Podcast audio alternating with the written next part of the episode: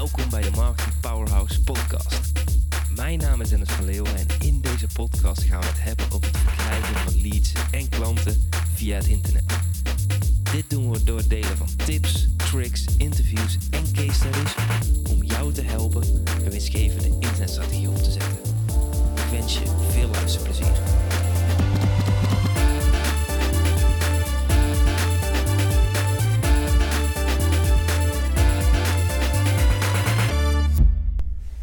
Essentiële bouwstenen van een online business.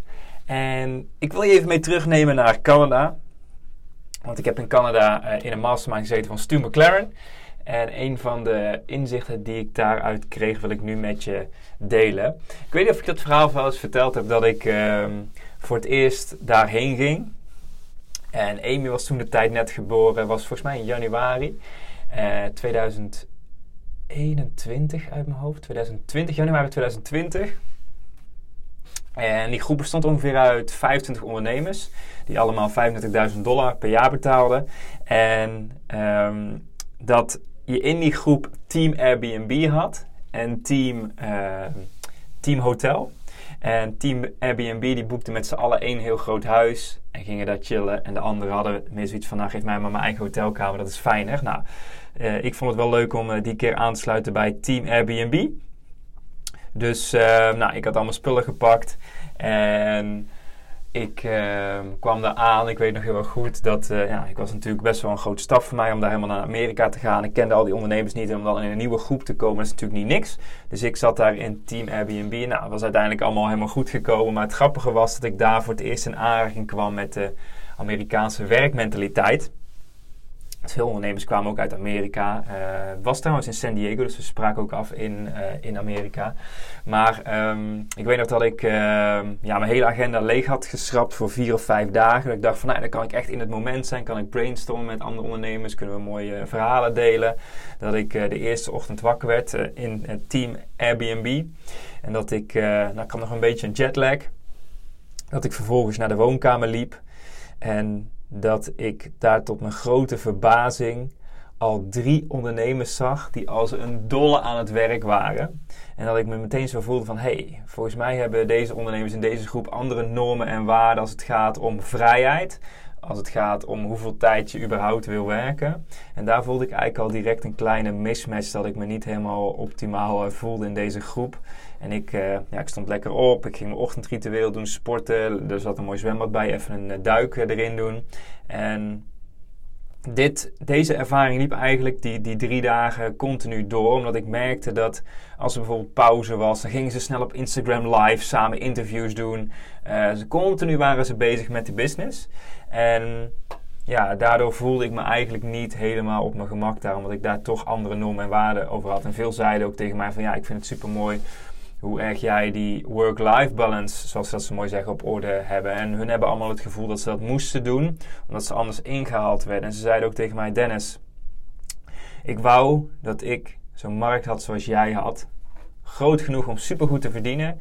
Maar als je echt extreem wil, is de markt eigenlijk te klein. Maar dat zorgt er ook voor dat er minder concurrentie is, waardoor je dingen heel lekker kunt uitbouwen. Ik denk dat we daar ook heel erg mee gezegend zijn in, eh, in de Nederlandse markt. Want ja, als je nou echt heel eerlijk kijkt, hoeveel concurrentie is er nou echt in de Nederlandse markt? Als je echt on point bent, als je echt ervoor gaat, dan kun je gewoon heel erg snel stappen maken. Omdat ja, veel Nederlanders die stappen niet willen zetten, die je eventueel wel kunt zetten. Maar toen we dus binnenkwamen op de eerste dag van het event, dat was die dag daarna volgens mij, toen begon Stu met een uh, story, uh, met een verhaal over drie onderdelen, drie bouwstenen die essentieel zijn voor elke business. En als een business niet goed draait, dan, heb je een, uh, dan is een van drie, die drie factoren is niet goed. En wat ik eigenlijk wil doen in deze aflevering is wil ik eventjes over die drie factoren heen gaan. Omdat ik denk dat uh, die drie factoren in elke business belangrijk zijn, op welk level je dan ook zit. Dus als je een beginner bent,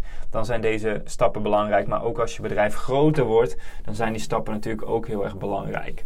Dus um, leuk om daar eventjes overheen te gaan. Nou, het eerste onderdeel is wat hij opschreef. Hij schreef uh, uh, de three facts or three pillars of, of online business of zoiets schreef hij in het midden. En daarin schreef hij als eerste onderdeel op, dat was traffic. Dus verkeer.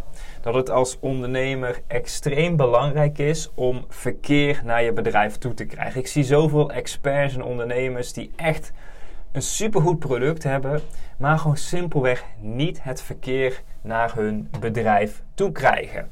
En als je geen verkeer hebt, ja, dan zul je uiteindelijk ook niet je producten kunnen gaan verkopen. Een van de dingen die hij aangaf van, uh, of tenminste die ik, uh, die, daarin weer een, een vervolgpilaar is, is dat je natuurlijk organisch hebt. Dus je hebt organisch verkeer. Dus denk bijvoorbeeld aan iemand die zoekt op Google, die op jouw pagina terechtkomt.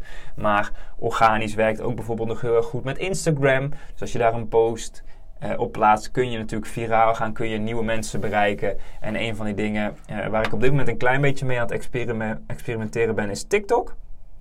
Dat is ook iets waarmee je natuurlijk heel erg organisch bereik kunt krijgen. En um, ja, die, die avonturen zal ik ook met je, met je delen in de komende podcast. Ik denk dat ik over drie of vier afleveringen wel een podcast kan nemen met mijn ervaringen op TikTok. Ik ga zelf erop experimenteren en met mijn participatie ga ik daar uh, mee, uh, mee aan de slag. Dus, uh, dus als ik daar lessen van heb, dan zal ik die zeker met je delen. Nou, dus het organisch gedeelte is eigenlijk daarin dus weer een, een subpilaar. En een ander onderdeel is bijvoorbeeld ads, dus advertenties. Dus denk aan Facebook advertenties, Instagram advertenties, YouTube advertenties, nou, TikTok advertenties waar we mee gaan experimenteren. Dat is eigenlijk een heel erg belangrijk onderdeel. En veel ondernemers die geen uh, gratis organisch verkeer hebben, die zijn eigenlijk een beetje verplicht op de advertentieoptie. Want daarmee kun je dus natuurlijk uh, verkeer, traffic natuurlijk inkopen. Maar daarvoor is het natuurlijk wel heel erg belangrijk dat je complete proces staat. Want als jij zomaar gaat adverteren naar een pagina of naar je website, ja, je wil mensen wel strategisch door je klantreis begeleiden, zodat ze de juiste stappen zetten. Zoals bijvoorbeeld bij mij, wij adverteren met mijn boek. Um, adverteren op Facebook en Instagram met mijn boek. Een advertentie die gaat naar een, een, een verkooppagina en vanuit daar kunnen mensen het boek kopen en worden ze nagebeld, et cetera, et cetera. Dus daar wil je in ieder geval heel erg goed over nadenken. En over dat proces heb ik natuurlijk ook wel veel afleveringen opgenomen uh, afgelopen periode. Nou, dan de derde pilaar, dat is samenwerken. Dus je kunt kijken welke ondernemers of welke mensen om mij heen, het hoeven niet per se ondernemers te zijn, hebben een groot bereik. En zou ik met hun samen kunnen werken om mensen in mijn klantreis te krijgen. Dus om via die manier traffic te genereren. En dit is iets wat voor Nederlanders heel erg lastig is. Ik schreef ook op DTV, durf te vragen. Dus durf te vragen aan anderen uh, om uh, je te helpen. En ja, dit is denk ik iets, ja, wat ik al zei, heel Nederlands, wat heel veel mensen eigenlijk niet durven te doen. Dus um, dat is eigenlijk de eerste pilaar van die drie, dus uh, traffic, met daarin organisch, ads en samenwerkingen, waarmee je eigenlijk uh, ja, dat, e-, die eerste pilaar kunt gaan optimaliseren. Met ads heb je natuurlijk ook nog Google Ads. Er zijn heel veel verschillende varianten die je daarin uh, kunnen inzetten. LinkedIn Ads, nou, noem het verder maar op. Organisch bereik kan natuurlijk ook LinkedIn. Um, maar het is wat lastiger om daar echt goed resultaat te behalen. Nou, dan kunnen we doorgaan naar de tweede pilaar en dat is conversie. Dus als je traffic kunt genereren, is het natuurlijk vervolgens heel erg belangrijk dat die mensen omgezet worden in leads en klanten. En ook hier weer is het heel erg belangrijk om het simpel te houden. Ik heb het trouwens net niet gezegd, maar een simpel voorbeeld is dat als je bijvoorbeeld met advertenties gaat werken, dat je mensen meteen een product kunt laten kopen, je kunt misschien mensen een weggever geven, is dat het proces heel erg simpel moet zijn. De pagina moet simpel zijn um, en vervolgens ja, moeten mensen goed opgevolgd worden.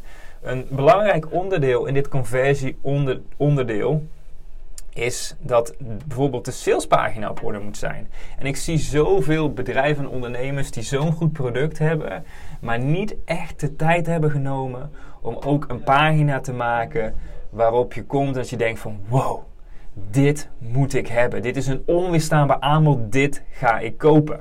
Dus dat is iets waar je voor kunt zorgen met conversies. Vaak denken ondernemers dat als ze adverteren, dat, hun, dat de advertenties niet goed werken, dat de doelgroep niet goed is, dat Facebook ads niet werken. Maar vaak is het probleem dat de pagina die erachter zit niet aantrekkelijk genoeg is. Of dat nou een pagina is voor een weggever te downloaden of een salespagina om een product te kopen. Dit is iets wat super belangrijk is om te optimaliseren. Nou, daarnaast heb je dus, uh, je kunt natuurlijk leads genereren met een weggever. Je kunt uh, direct verkopen maken met een salespagina. Een ander onderdeel qua conversie is dat je kunt bijvoorbeeld werken met uh, strategie-sessies. Dus dat je ervoor zorgt dat je mensen aan de telefoon krijgt en dat je vanuit daar je product en dienst ook daadwerkelijk gaat verkopen. Dus dat is het op het onderdeel conversie even heel klein, kort samengevatte onderdelen waar je eigenlijk aan, uh, aan kunt werken om dat te optimaliseren. Natuurlijk is het natuurlijk veel breder te trekken. Uh, als je over kunt nadenken en een keer een half uur gaat zitten van hey, hoe kan ik mijn conversie verbeteren, dan kun je nog veel meer dingen vinden. Uh, maar daar gaan we niet te diep op in in deze aflevering. Misschien wel een leuk idee om dat nog te doen in een verdiepende podcast in de toekomst. Maar goed, ik schrijf hem eventjes op dadelijk. Nou, dan de derde pilaar. De laatste die Stu tegen ons vertelde, dat is retention. Dus je wil ervoor zorgen dat als iemand via traffic bij je binnenkomt, die maakt de conversie, dat die vervolgens uh, bij je blijft kopen. En daarom is het heel erg belangrijk om ten eerste te werken aan vervolgverkopen. Dus als iemand iets bij je koopt, Zorg er dan ook voor dat hij ook iets anders bij je kan kopen. Uh, vaak noemen we dat de klantreis, de value ladder van Russell Brunson, is dat iemand beneden begint en dan stapsgewijs meer bij je gaat kopen. En hoe meer die bij je gaat kopen, hoe groter uiteindelijk ook de waarde wordt en ook de investering die ze daarvan moeten maken. Wat ik vaak zie, is dat sommige mensen heel erg stapsgewijs uh, groeien. En je hebt ook mensen die, die mijn boek kopen en dan in één keer mijn duurste traject kopen. Dus daar is heel erg mooi om daarover na te denken. En retentie kan zijn um, dat mensen volgverkopen bij je kopen. Het kan zijn dat je een lidmaatschap hebt. Dus zorg dat mensen lid blijven. En het kan ook zijn, wat wil ik nou nog zeggen als laatste, dat. Um, Nee, dus, dus dat, dat, je, dat als je een lidmaatschap hebt, dat mensen blijven kopen. Maar ook dat als mensen iets bij je kopen, dat ze vervolgens ook andere dingen bij je blijven kopen. Dus dat is ook een soort van retentie waar je natuurlijk aan kunt werken. Want als jij bijvoorbeeld 100 kleine producten verkoopt en vijf mensen daarvan kopen je duurder programma, is wat als je dat proces zou verbeteren en het zouden er tien worden, dat heeft natuurlijk heel veel impact op je complete business en wat je uiteindelijk kunt, uh, kunt spenderen. Dus als je alleen maar aan de voorkant op de lage prijs producten blijft zitten, is het heel erg lastig om goede winst te maken. Maar als je daar dan dingen op gaat bouwen, in combinatie met die retentie, die value ladder en die vervolg verkopen, dan ga je daar in ieder geval heel veel meer uit halen. Dus kort samengevat, de drie bouwstenen van een online business.